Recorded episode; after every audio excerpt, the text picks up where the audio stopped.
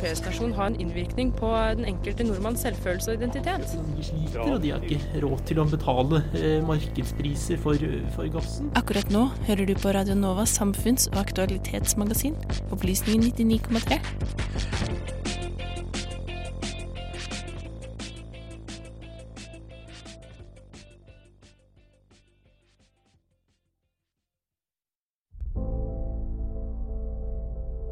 So many people expect change in others, expect change in the world, but are never willing to change themselves first.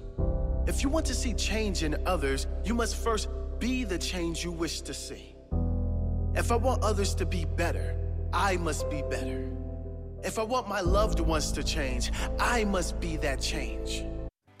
I 2050 vil vi bli 10 milliarder mennesker på jorden.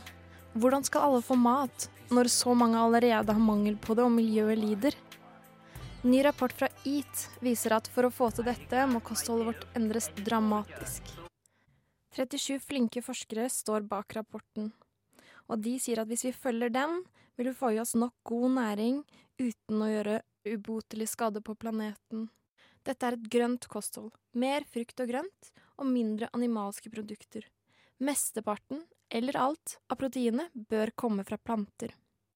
Kjøttkvoten begrenser seg til 0-14 gram rødt kjøtt per dag, 0-7 gram svin og 0-13 gram egg per dag.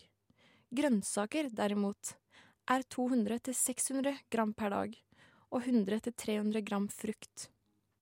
It turns out what we put on our plates matters a lot. About 25% of all the global climate change problems we're seeing can be attributed back to the food and the choices that we're actually making about what we eat on a daily basis. This is greater than all the cars on the planet. In fact, it's about twice as much global warming pollution as the cars.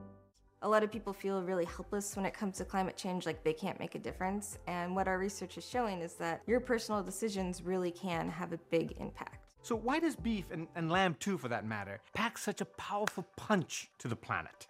Livestock accounts for a little over 14% of global greenhouse gas emissions. If that sort of seems low to you, consider it's about equal to transportation. We're talking all the cars, trucks, planes, trains, and ships on the planet combined. This is partly because ruminant animals like cows and sheep, they're just gassy.